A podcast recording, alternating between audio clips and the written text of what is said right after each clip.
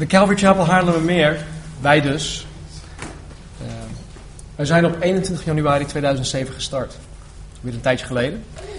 En we zijn in de KSH, dat is de Katholieke Scholengemeenschap Hoofddorp, gestart. Vervolgens zijn wij ruim anderhalf jaar later verhuisd naar de locatie in de Breedte in Floriander, waar we de afgelopen zeven jaar en negen maanden hebben gezeten. En nu geloven wij dat God ons hier naartoe heeft gebracht, naar Nieuw-Vennep, naar dit activiteitencentrum, het contact. En ik zeg echt met overtuiging dat God ons hier naartoe heeft gebracht. Waarom? Omdat de God van de Bijbel houdt van ons. Hij houdt van zijn kerk, hij houdt van zijn bruid. En wij geloven ook dat, dat Jezus Christus als hoofd van de kerk zijn kerk leidt. De Bijbel leert ons dat. In de praktijk, ja, dat, dat bewijst dat ook. Toen wij eh, rond, ik denk ergens in februari of maart, um, voor het eerst in contact kwamen met uh, de mensen van Stichting Maatvas. Maatvas is dan de beheerder van dit, uh, dit, dit pand. Um, wisten we niet precies wat we, ermee, wat we ermee moesten. We waren niet per se op zoek naar een nieuwe locatie. Maar ineens kwam deze gelegenheid ja, op ons af. Het, het, het uh, werd als het ware ons in de schoot geworpen. En omdat wij niet per se naar een andere, ja, of op zoek waren naar een andere locatie, wisten wij ook niet, joh, wat, wat moeten we hier nou mee? Dus we gingen bidden. We gingen bidden voor Gods leiding. We gingen bidden voor Gods wijsheid, zijn genade, om ons dan ook duidelijk te maken of een mogelijke verhuizing naar Nieuw-Vennep überhaupt iets was dat binnen zijn plan, binnen zijn wil past voor ons. En gaandeweg, door middel van uh, ja, gesprekken met, uh, met Stichting Maatvas, maar ook onderling gesprekken en ook een aantal bezoeken die we hier aan dit pand hebben gebracht, um, ja, leek het er sterk op te, te lijken dat God ons toch in deze richting aan het leiden was. Vooral ook omdat God ons geen rode vlaggen liet zien. Het, het was niet, niet zoiets van, nou, die deur die gaat dicht, die deur gaat dicht. Nee, het was gewoon elke keer opnieuw een open deur. Elke keer opnieuw kregen we bevestigingen. Dus om heel lang verhaal kort te maken, medio mei sorry, zijn wij met uh, Stichting Maatvast een huurovereenkomst aangegaan. En vandaag en aanstaande zondag mogen wij dus proefdraaien. Um, officieel, dat is eigenlijk officieel, we zitten hier al, maar officieel um, gaan wij hier op 3 juli van start. 3 juli is dan trouwens ook de, uh, het moment van de eerstvolgende potluck. Ja, potluck en heilige avondmaal. Um, en dan gaan we dus officieel van start. Maar goed, volgende week zondag zijn we er ook en dan gaan wij met openbaring verder. Dus als plaatselijke kerk bestaan wij nu al vrij lang. Best wel lang. Het is al 9,5 jaar, zoiets. En weet je, als ik in de achteruitspiegel kijk, dan, dan zie ik, dan merk ik dat God ons al die tijd en ook echt in alles heeft geleid. Misschien soms door omwegen, en dat is niet door Gods toedoen, maar dat is door ons toedoen. Maar God heeft ons toch altijd getracht te leiden en te sturen. En ik geloof dat, dat God dat ook um, ja, als, als de trouwe God heeft gedaan. God heeft ons als kerk door hele mooie periodes heen geleid. Periodes waarin we Gods genade, Gods zegen op, echt op alle fronten zagen. Ook heeft God ons als kerk door hele moeilijke periodes heen geleid. Periodes van, van pijn en verdriet en uh, periodes waarin wij gesnoeid werden. Periodes van reiniging en heiliging en opschudding. En niet dat deze moeilijke tijden dan minder mooi waren. Sorry hoor. Minder mooi waren. Maar ze waren wel anders. En uiteraard vol van Gods genade. Vaak denken we dat als het moeilijk gaat, als, als het niet lekker gaat of als we tegen allerlei dingen aanlopen, dat, dat, dan, dan verliezen we Gods genade uit het oog. Maar dat is niet zo. Gods genade is er altijd. En juist in die moeilijke tijden is Gods genade aanwezig. Dus in, in en, en door dit alles heen, vanuit mijn optiek, en ik hoop ook van jullie, staat Gods trouw en zijn aanwezigheid echt als een paal boven water. God is gewoon getrouw. Punt uit. Jezus zei in Matthäus 28, in uh, 28 vers 18 tot 20, dat is de grote opdracht die hij geeft. En dan zegt Jezus dit. Hij zegt, mij is gegeven alle macht in hemel en op aarde. Ga dan heen, maak alle volken tot mijn discipelen, hen dopend in de naam van de Vader en van de Zoon en van de Heilige Geest. Hun lerend alles wat ik u geboden heb in acht te nemen. En zie, ik ben met u al de dagen tot de voleinding van de wereld. Amen. Jezus geeft deze opdracht aan zijn discipelen, vlak voordat hij terugvaart naar de hemel. Deze opdracht geldt ook voor ons. En bij het geven van de grote opdracht beloofde Jezus zijn discipelen dat zij er niet alleen voor stonden. Zij stonden er niet voor, alleen voor. Maar dat Hij zelf, Jezus zelf, door middel van de Heilige Geest met hen zal zijn tot de voleinding van de wereld. En dat geldt dus ook voor ons. Jezus is met ons. God met ons. Dat betekent, Jezus, Jezus zijn naam betekent God met ons. Emmanuel. Weet je, dus wij hebben de zekerheid dat God met ons is. Ook in wat wij hier trachten te doen. Ook in het nieuw hoofdstuk die geschreven gaat worden hier in Nieuw-Vennep. In Hebreeën 13:5 zegt de schrijver namens God: Ik zal u beslist niet loslaten en ik zal u beslist niet verlaten. God zal de zijne beslist niet loslaten. God zal de zijne beslist niet verlaten. Die garantie hebben wij. Dat, dat, is, dat, dat maakt God ook elke keer opnieuw weer hard. En elke keer wanneer wij in de Bijbel lezen over hoe God zijn dienstknechten naar iets toe wil leiden, want dat gebeurt heel vaak. Elke keer als we dat zien, dan belooft God dat God met hen zal zijn. Dan belooft God dat Hij voor hen uit zal gaan. Ze staan er niet alleen voor en ook wij niet vanmorgen. Toen, uh, toen Israël op het punt stond om de Jordaan over te gaan. Uh, Israël die maakte best wel een, een lange tocht. Het duurde nogal lang voordat ze het beloofde land inkwamen. Wat qua afstand en, reistijd eigenlijk een, een, een, een reis van elf dagen hoorde te zijn, duurde 40 jaar. En dat is ook niet door Gods toedoen, dat is aan Israël zelf te wijden. Maar op het moment dat ze dus het beloofde land echt in zouden gaan, moesten ze over de Jordaan heen. Ze moesten over de, de rivier Jordaan heen gaan. En dan staat er dit in, in Deuteronomium 31. Deuteronomium 31, 6 en 8. Wees vastberaden en moedig. Wees vastberaden en moedig. Wees niet bang. Laat je niet uit het veld slaan. De Heere zelf trekt met jullie mee. Je God laat je niet aan je lot over. Hij laat je niet alleen. In vers 8. De Heer zelf zal voor je uittrekken. Hij zal je terzijde staan. Hij laat je niet aan je lot over. Hij laat je niet alleen. Wees dus niet bang. Laat je geen schrik aanjagen. Dit was nogal een, een, een grote onderneming voor Israël. Het beloofde land was onbekend. Het zat vol met, met, met volkeren die een reputatie hadden van, van macht en kracht en uh, reuzen en dat soort dingen. Dus ze waren bang. en elke keer wanneer God, of de Bijbel zegt van wees niet bang, wees niet bang, dat betekent dus dat zij bang waren. Anders zou God dat ook niet zeggen. En ze waren bang om, om het beloofde land in te nemen.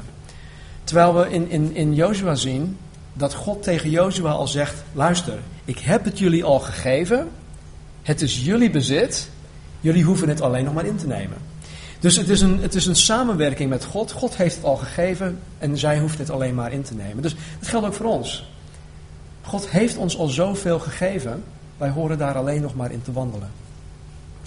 Gods aanwezigheid, Gods leiding, Gods voorzienigheid, dat zien wij telkens weer terug in de Bijbel. Elke keer opnieuw. En ook wij als kerk en ik als persoon hebben de afgelopen, jaar, of afgelopen jaren, afgelopen negen jaar, Gods trouw gezien. In alles. We hebben Gods aanwezigheid gezien, Gods leiding, Gods voorzienigheid. In en door alles heen. Dat hebben, dat hebben we gewoon persoonlijk mogen ervaren. En ook nu weer, nu dat wij als een kerk een, ja, toch weer een, een, nieuwe weg inslaan. Kijk, het, het, is niet super spannend. We zijn maar één dorpje verhuisd, hè, van hoofddorp naar hier naartoe. Maar er zijn toch mensen hier in Nieuw-Vennep die God wil bereiken. En uh, dat, is, dat is best wel spannend. Het kan, kan spannend zijn. Maar het is toch, ja, denk ik, een, een, een nieuwe weg. Ik denk toch dat er een nieuw hoofdstuk geschreven gaat worden. Nou, we zijn bezig met het Bijbelboek Openbaring. Vandaag ga ik er van afwijken, want ik wil stilstaan om, om ja, ik, ik wil erbij stilstaan om ja, toch even een moment te nemen. Uh, niet zozeer om terug te blikken, want we hebben al gemerkt dat God getrouw is geweest de afgelopen 9,5 jaar. Maar gewoon om te kijken, wat verwacht God nu van ons? Wat kunnen wij, hoe kunnen wij Gods trouw beantwoorden? En uh, dat wil ik uh, vanmorgen gaan doen. Dus vanmorgen gaan we kijken naar een schriftgedeelte waaruit wij kunnen leren hoe wij als kerk en als individu uit blijk van dankbaarheid onze trouw aan God kunnen tonen. Ja? Amen? Oké. Okay. Nehemia hoofdstuk 8 vers 1. Laten we daar naartoe gaan. Nehemia hoofdstuk 8 vers 1.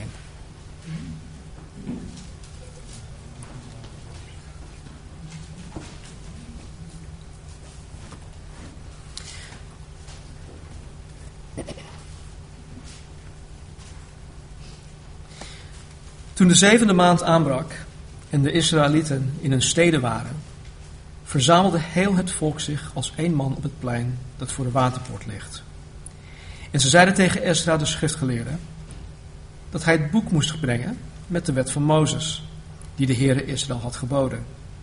Ezra de priester bracht de wet voor de gemeente, zowel mannen als vrouwen, en al wie wat zijn verstand betrof in staat was ernaar te luisteren op de eerste dag van de zevende maand. Hij las daaruit voor, voor het plein dat voor de waterpoort ligt, vanaf het morgenlicht tot de middag, ten overstaan van de mannen, de vrouwen en van hen die wat hun verstand betrof in staat waren ernaar te luisteren. De oren van heel het volk waren gericht op het wetboek. Ezra de schriftgeleerde stond op, een houten verhoging die ze voor deze gelegenheid hadden gemaakt.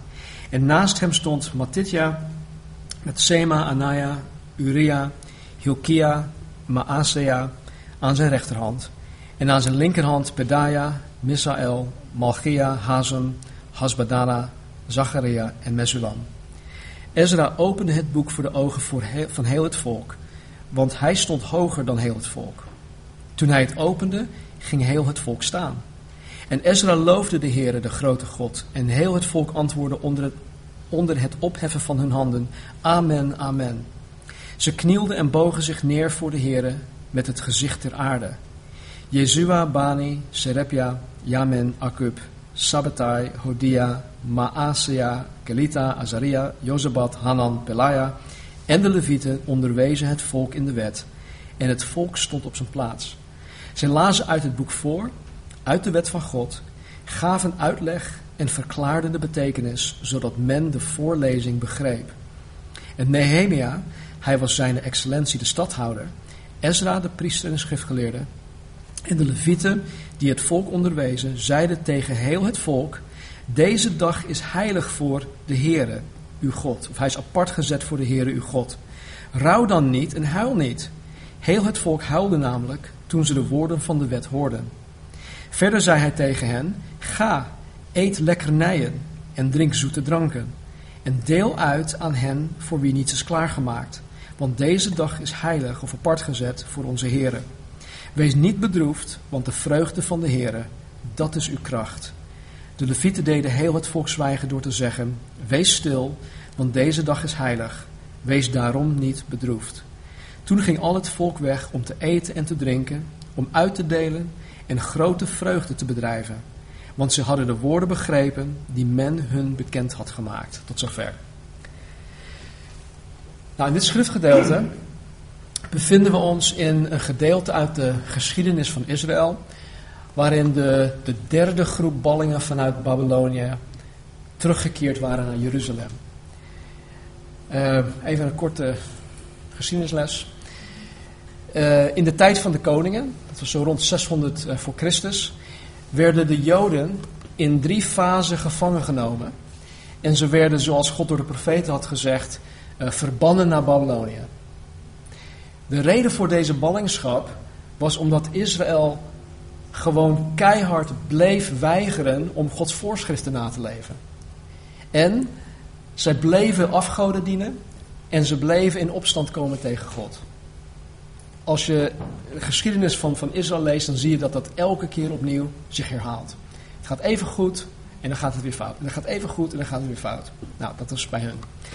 God had Israël door middel van verschillende profeten al zo vaak hiervoor gewaarschuwd. Als je dat blijft doen, dan zijn er consequenties aangekoppeld. En de consequentie was die ballingschap. Maar ze gaven gewoon geen gehoor aan, deze, aan, aan de mannen die, die God had aangesteld om zijn spreekbuis te zijn. Eh, de profeten, Jeremia bijvoorbeeld. Ze gaven daar totaal geen gehoor aan. Terwijl God deze mannen had ingesteld, of aangesteld om voor of namens hem te spreken. Dus wat gebeurde er? De Babylonische koning, Nebuchadnezzar, die, hij nam de Joden uh, gevangen en hij bracht hun naar Babylonië toe. Perzië, Iran. Nou, voordat, of Irak, voordat dit gebeurde, had God door middel van de profeten reeds gezegd dat deze ballingschap 70 jaar lang zou duren. 70 jaar. Dat had hij van tevoren al vastgelegd, vast, vastgesteld. De terugkeer van de ballingen waarover Ezra en Nehemia schrijven, is dus de vervulling van deze profetie van God. Dus dit stukje wat we nu hebben gelezen in Nehemia 8 gaat over het Joods volk dat teruggekeerd is uit Babylonië. Nadat de derde en de laatste groep Joden teruggekeerd zijn. Dus allen die vanuit Babylonië teruggekeerd zou moeten zijn naar, naar Jeruzalem, zijn op dit moment al teruggekeerd. Ja, even als achtergrond. Nu dit. Gedurende die ballingschap van 70 jaar had het Joods volk zich in Babylonië vermenigvuldigd. Ja, het, was niet, het was niet zo dat ze in de, gevangenis zaten. Ze hadden zich vermenigvuldigd. En naar schatting waren er tussen de 2 en 3 miljoen Joden in Babylonië. 2 en 3 miljoen, dat is nogal een groot verschil, maar naar schatting tussen de 2 en 3. Dus laten we uitgaan van een gemiddelde, 2,5 miljoen. En rond het 70ste jaar gebeurde het volgende. In Ezra 1, vers 1 tot en met 3, ik zal voorlezen.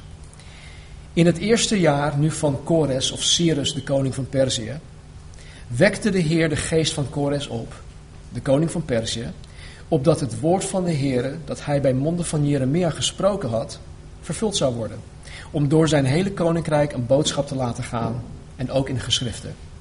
En zo zegt Kores, de koning van Perzië, alle koninkrijken van de aarde zij, heeft de Heer, de God van de hemel, aan mij gegeven.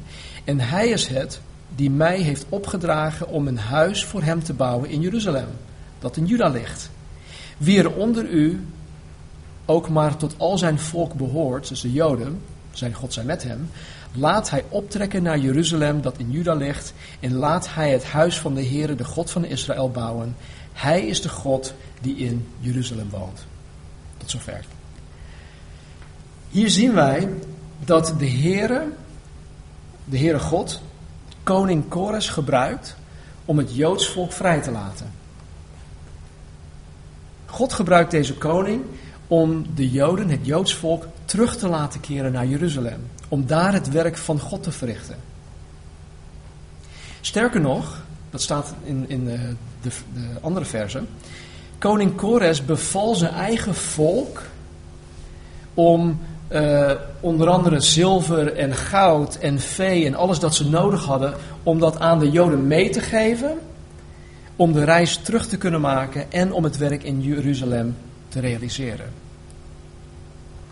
De Joden werden dus bevrijd en ze kregen nog eens alle middelen om terug te reizen. En ze kregen ook nog eens alle middelen om het werk van God te realiseren in Jeruzalem. En mooier kan dat toch niet? Ze kregen gewoon alles mee. Ja? Nou, het frappante in dit verhaal is dat nog geen 50.000 Joden ervoor gekozen hadden om terug naar Jeruzalem toe te gaan. Om het huis van God, de tempel, de stad en de muur te herbouwen. Nog geen 50.000, dat is van 49.867, zoiets nog geen 50.000. Nou, uitgaande van een gemiddelde van 2,5 miljoen, tussen 2 en 3 miljoen, 2,5. Uitgaande van die 2,5 miljoen Joden, betekent dit dat slechts 2 procent, 2 procent, 2 procent, ja, 2 procent, 2 procent zich wilde wijden aan het werk van de Heer. Slechts 2 procent wilden zich wijden aan het werk van de Heer. En dit, ondanks dat zij vrijgelaten werden, ondanks dat zij alle middelen gegeven werden om terug te reizen en ondanks al, uh, alle middelen die gegeven zijn om het werk van de Heer te doen. Ze hadden eigenlijk geen excuus om het niet te doen, behalve dit misschien. Ja, maar mijn, kinderen zitten hier op school. En uh, ja, ik heb hier een baan en ik wil die baan niet opgeven. En ja, mijn huisje, dat is allemaal zo goed. En weet je, dus dat soort dingen. Want er was, er was totaal geen andere reden om niet te gaan. Ze waren gewoon comfortabel.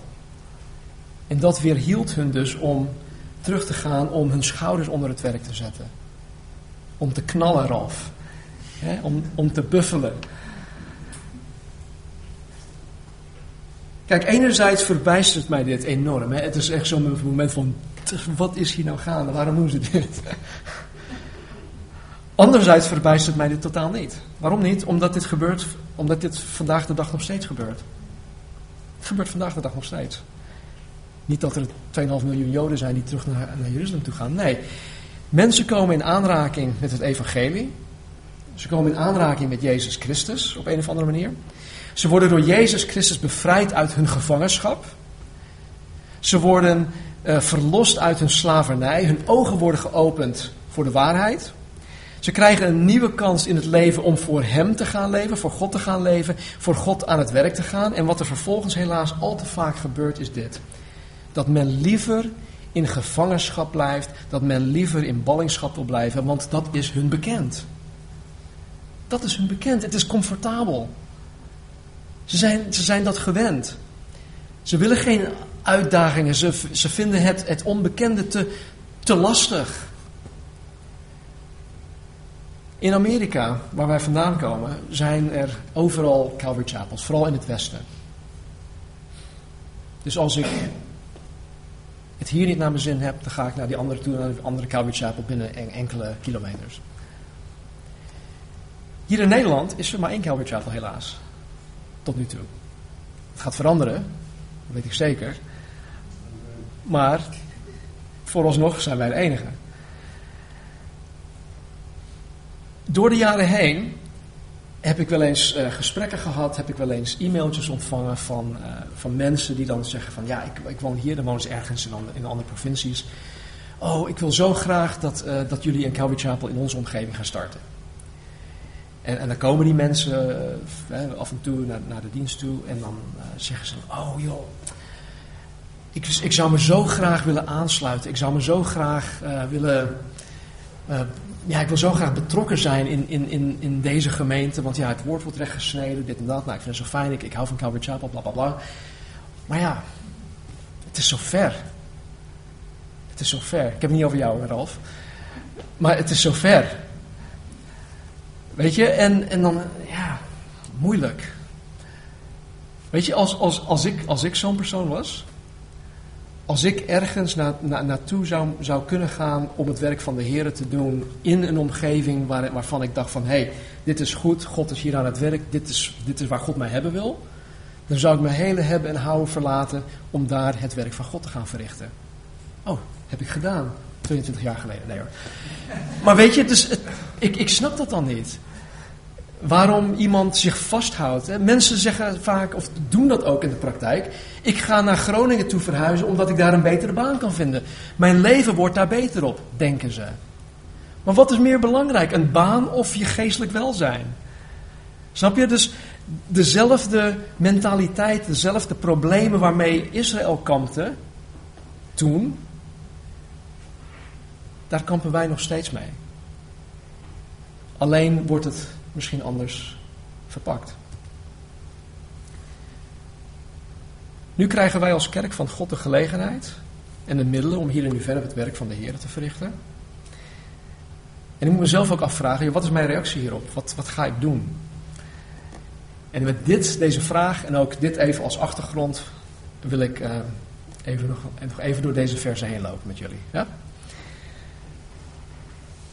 Vers 1 tot en met 3. Toen de zevende maand aanbrak en de Israëlieten in hun steden waren, verzamelde heel het volk zich als één man op het plein dat voor de waterpoort ligt. En ze zeiden tegen Ezra, de schriftgeleerde, dat hij het boek moest brengen met de wet van Mozes die de Heere Israël had geboden. Ezra de priester bracht de wet voor de gemeente, zowel mannen als vrouwen, en al wie wat zijn verstand betrof in staat was ernaar te luisteren of te begrijpen op de eerste dag van de zevende maand. Dus het hele volk, het hele volk dat, dat weer teruggekeerd was naar Jeruzalem over een periode van x aantal jaren, ging naar deze gigantisch grote kerkdienst toe om naar de wet van Mozes te luisteren.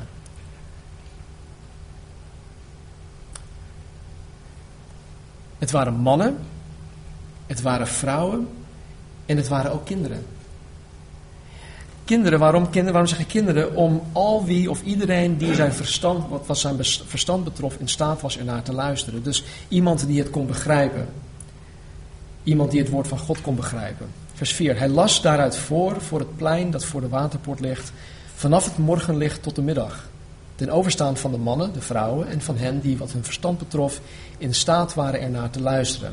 En de oren van heel het volk waren gericht op het wetboek. Nou, dit was best wel een lange kerkdienst, denk ik. Vanaf het morgenlicht tot aan de middag. Wij zitten hier hooguit anderhalf uur. En de oren van, het van heel het volk waren gericht op het wetboek. En opmerkelijk is dus dat, ondanks dat deze dienst zo lang duurde, heel het volk niet was afgeleid.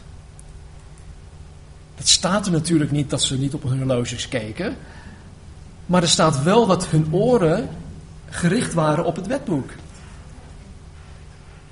dus ze waren niet afgeleid. Maar ze waren met hun, hun volle aandacht naar het woord van God uh, aan het luisteren. Vers 5. Ezra de schriftgeleerde stond op een houten verhoging die ze voor deze gelegenheid hadden gemaakt. En naast hem stond Matitja met Sema, Anaya, Uria, Hilkia, Maaseja aan zijn rechterhand. En aan zijn linkerhand Pedaya, Misael, Malchia, Hazem, Hasbadana, Zacharia en Mesulam. Ezra opende het boek voor de ogen van heel het volk, want hij stond hoger dan heel het volk. Toen hij het opende, ging heel het volk staan. staan, hè? Iedereen stond. En Ezra loofde de Heere, de grote God, en heel het volk antwoordde onder het opheffen van hun handen: Amen, Amen. Zij knielden en bogen zich neer voor de Heere met het gezicht ter aarde.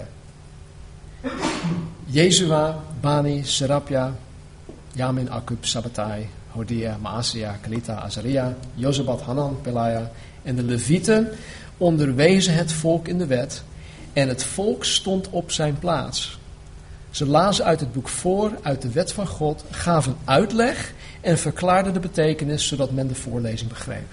Tot zover. Weet je, dat sommige voorgangers doen dat ook in, in, in de kerk. Dat wanneer het schriftgedeelte behandeld, dat behandeld gaat worden, dat wanneer het voorgelezen wordt, dat men vraagt, joh, laten we gaan staan. En dat is prima, dat, dat doen wij hier ook soms. Maar dat is niet verkeerd. Maar hier zien we dus dat het Joods volk zoveel ontzag had voor het woord van God, dat wanneer het voorgelezen werd, de hele kerk op hun voeten stond, in plaats van dat zij zaten. Deze mensen, geloof ik, waren echt dankbaar. Ze waren dankbaar dat God hun had bevrijd uit hun ballingschap. Ze waren dankbaar, God dankbaar, dat Hij hun had voorzien van alle middelen die zij nodig hadden om die reis terug naar Jeruzalem te maken en om uh, daar het werk van God te verrichten. Ze waren God dankbaar om het simpele feit dat zij God weer mochten aanbidden in de stad Jeruzalem, waar hij woont, wat hier ook staat. Door daar in Jeruzalem naar de kerkdienst te mogen gaan. En vanuit deze dankbaarheid aan Gods trouw openen zij dan de Bijbel. In vers 2 staat dat de mensen er naar vroegen. Ze vroegen Ezra om de Bijbel te openen. En kijk naar wat er in deze kerkdienst gaande is. De dertien mannen en de levieten, die hier genoemd worden, onderwezen het volk in de wet. Ja, dat is de wet van Mozes. De wet van Mozes, dat zo'n 500 jaar daarvoor door God aan Mozes werd gegeven. Op dit moment was het al 500 jaar oud. Ja, maar dat is zo irrelevant, is niet meer relevant en bla bla bla. wat heel belangrijk hierin is, is in deze kerkdienst is dit. In vers 9 staat, zij lazen uit het boek voor, uit de wet van God, gaven uitleg en verklaarden de betekenis zodat men de voorlezing begreep. Hier zien wij dat er in deze kerk verklarend werd gepredikt. Hier werd verklarend gepredikt. Dat wil zeggen dat degene die daar het woord van God brachten, het, het op zo'n manier uitlegde, vers voor vers, dat de mensen het woord van God begrepen. Zelfs de kinderen begrepen het. Het werd op zo'n manier uitgelegd dat zelfs de kinderen het konden begrijpen. En vaak zeggen mensen dat de Bijbel verouderd is. Ook in de kerk. Er zijn kerkgangers die zeggen dat de Bijbel niet meer relevant is. Of dat het niet actueel is.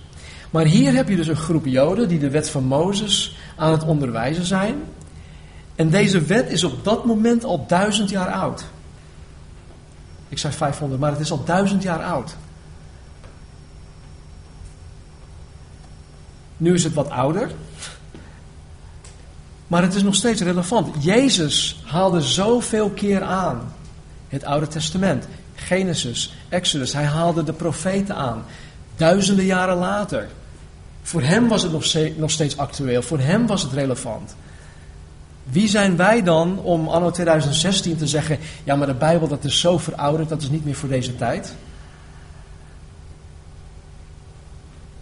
De kerk, het volk, Israël, begreep het tijdloos woord van God. En ze begrepen het niet alleen verstandelijk, maar het trof hun diep in het hart. Het trof hen zo diep in het hart, waardoor zij veranderd werden. En waardoor zij het uiteindelijk toepasten op hun eigen leven. Laten we, laten we kijken, vers 10. En Nehemia, hij was, dus, hij was zijn excellentie de stadhouder. Ezra de priester en schriftgeleerde en de levieten die het volk onderwezen, zeiden tegen heel het volk. Deze dag is heilig voor de Heere uw God. Rouw dan niet en huil niet. Rouw dan niet en huil niet. Heel het volk huilde namelijk toen ze de woorden van de wet hoorden.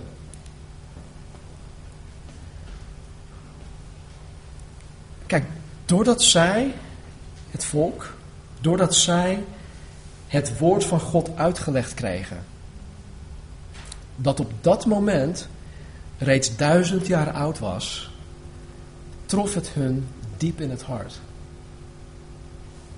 Het trof hen diep in het hart. De mensen kregen door het woord van God een hernieuwde kijk op wie God is. Ik weet niet of er in die tijd van ballingschap, hè, dat, dat er bijbelstudies gegeven werden. Weet wel dat Daniel, uh, Mishak, uh, Shadrach, Mishak en Abednego, dat die, wel, die zich wel trouw hielden aan God. Maar de Bijbel zegt dus niks over bijbelstudies, kerk en dat soort dingen.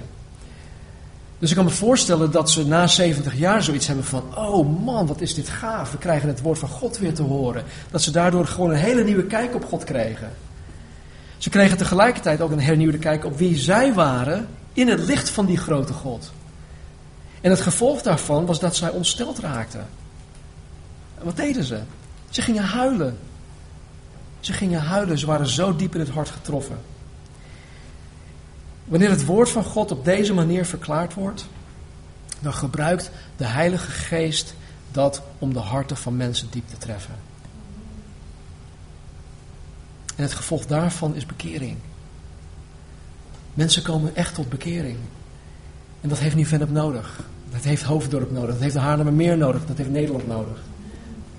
Dat mensen tot bekering komen. Bekering van een leven zonder God te willen behagen, tot een leven waarin men zich volledig geeft om God alleen maar te willen behagen. En de enige voorwaarde, het is eigenlijk heel simpel, de enige voorwaarde is dat het hart van de mens voor het woord van God en het werk van de Heilige Geest openstaat. Het hart van de mens moet openstaan voor het woord van God, voor het werk van de Heilige Geest. Kijk, twee mensen in de kerk kunnen bijvoorbeeld precies dezelfde boodschap horen. De een, waarvan uh, zijn hart open staat, die, die, die ontvangt het woord, die persoon wordt veranderd. Maar de andere, wiens hart gesloten is, ontvangt het niet. En die persoon die gaat week in en week uit onveranderd de kerk uit. Ligt dat aan de boodschap? Ligt dat aan de boodschapper? Ligt dat aan de Heilige Geest? Ligt dat aan Gods woord? Nee. Het ligt aan de persoon. Aan de openheid of de geslotenheid van het hart van die persoon. God zal zichzelf nooit opdringen bij mensen. Maar hij vraagt gewoon dat je met een open hart komt om naar zijn woord te luisteren. Eh, verder zei hij in vers 11 tegen hen, dat vind ik wel gaaf, dit past echt bij ons. Ga, eet lekkernijen en drink zoete dranken. En deel uit aan hen voor wie niets is klaargemaakt. Want deze dag is heilig voor onze Heer. Wees niet bedroefd. En dit, hier komt het, want de vreugde van de Heer, dat is uw kracht. De vreugde van de Heer, dat is onze kracht.